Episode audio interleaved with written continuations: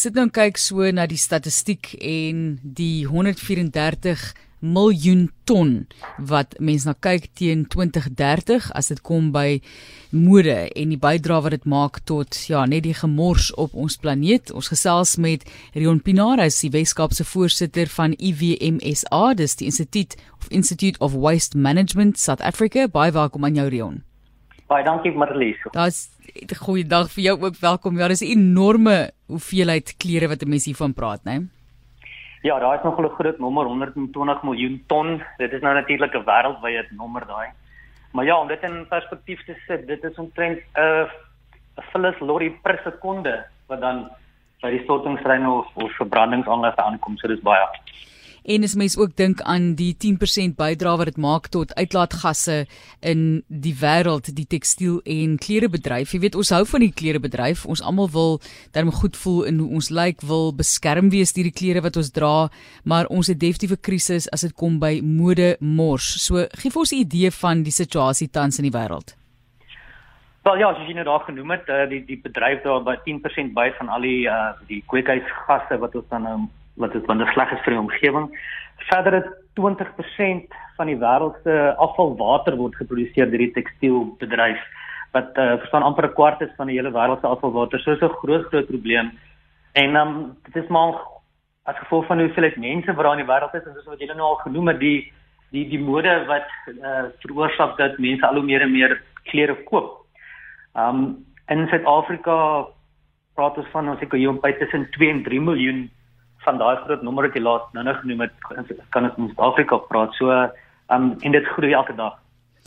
Ek sit ook en kyk na die statistiek. Ek moes gaan opkyk want ek het jare gelede onderhoud gedoen oor wat denim op die ou end verg om gemaak te word en volgens die VN en hulle dit verlede jaar weer in Augustus bekend gemaak neem dit 1500 liter water net om een paar denim te maak. Dis nou die kweek van die katoen, die denim self en natuurlik om die produk ook gereed te kry vir die winkel.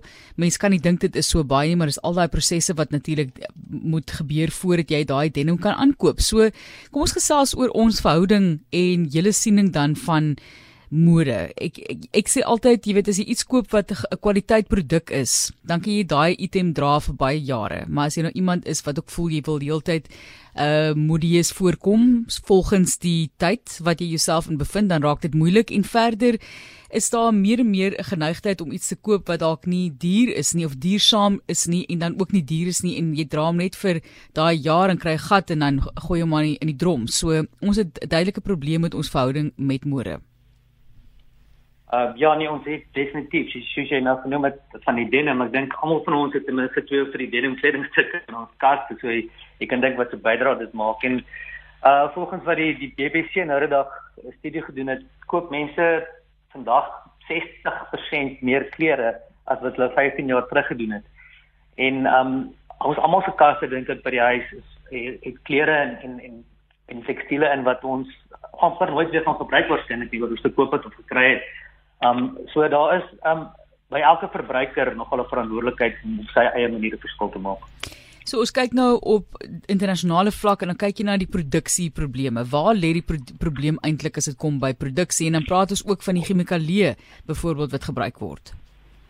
Ja, kyk die die probleem word uh word daar gestel deur die verbruikers se behoeftes na die mode soos wat ons al gepraat het. So die die tekstielvervaardigers volg nou die die verbruikers uh, se se se se se roetes van wat hulle wil wat hulle wil koop. En um so min kleremakers maak is met 'n uh, kledingstuk van spesifiek net een materiaal wat weer herwin kan word, so 100% katoen hemp byvoorbeeld of 100% hemp produk aan wat wat dan kan weer teruggevat word na hulle se oorspronklike materiaal en dan weer gebruik word. So elke stuk klere wat jy wat jy koop het 'n het garendraad in wat van 'n ander materiaal gemaak is as miskien 'n van 'n stiker of ding op wat van ander materiaal gemaak is en dit maak dit baie moeilik om te herwin want uh, net 'n gedeelte van die van die kledingstuk het byvoorbeeld 'n polistireen of 'n katoen element wat mens dan kan uithaal en weer gebruik. Ons gaan nou nog gesels oor die bestuur wat julle voor verantwoordelik is. Die persentasie weer eens is skokkend. Hulle sê ons koop deesdae 60% meer klere as wat mense 15 jaar gelede gekoop het. Ek weet jy werk nou met die afvalkant daarvan, maar hoekom dink jy is dit die geval? Is ons maar net is dit maar 'n verbruikerswêreld? Oh, ek dink dit is dit is ongelukkig vir die die antwoord wat daar is. Ja, dit is 'n verbruikerswêreld. Mense koop nie meer um in terme van van tekstiele en klere en, en skoene en so net wat hulle nodig het nie. Hulle koop ook um wat jou maatjie gekoop het en jy wil dieselfde hê of jy um sien iets wat van jou maar jy jy weet jy het al klaar 'n baadjie by die huis maar hier is 'n mooi baadjie dan koop jy daai baadjie ook. So dit word ongelukkig maar net gedryf deur die deur die deur die verbruikerswese. En dan al die media die marketing wat mense dan daagliks skryf van af die die TV en tydskrifte en die radio en oral om um wat en en wat mense half oortuig om goeder te koop wat hulle nie nodig het. Kom ons gesels oor jou kant byvoorbeeld en dit is daar die Phyllis bestuur en dan ook die oplossing wat jy voorstel. Dan kyk ons uh as die instituut van afvalbestuur van Suid-Afrika wil graag die stem wees vir die mense in die land wat betref afvalbestuur en um ons ons ons werk oor 'n verskeidenheid van areas um oor munisipale en industriële afval ensovoorts. So en waarvan ons lede is verantwoordelik om vir munisipaliteite raad te gee oor hoe die um, afval moet bestuur word binne die munisipaliteite, hoe hulle stortingsterreine gebou en beheer bestuur moet word, hoe hulle herwinningsaanlegte en so voort um bestuur moet word. So dis 'n dis 'n groot familie van mense wat wat bestaan uit ingenieurs en um en huisvrouens en en 'n klomp uh, van die industriële verteenwoordigers wat wat daar is.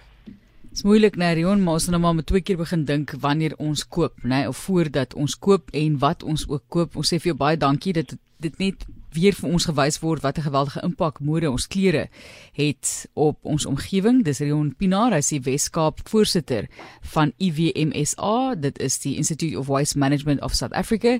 En mense kan seker ook dalk vir julle kontak vir raad dalk op 'n groter vlak 'n besigheid wat beter wil doen, maar ja. wat nie altyd die inligting beskikbaar het en die navorsing beskikbaar het om seker te wees om wat hulle moet doen en hoe hulle dit moet benader nie. Ons sê vir jou baie dankie. Baie dankie Amatlie. Lekker dag. So ek dink maar twee keer oor daai mode wat jy graag wil koop. Koop iets wat wat modieus is, maar wat jy weet gaan hou. Dit is maar my benadering daaroor. Ek dink so. Maar ja, ene dis lekker om te gaan klere koop, né? Nee, dit laat mense altyd bietjie beter voel as jy iets niets aan het wat mooi lyk. Like.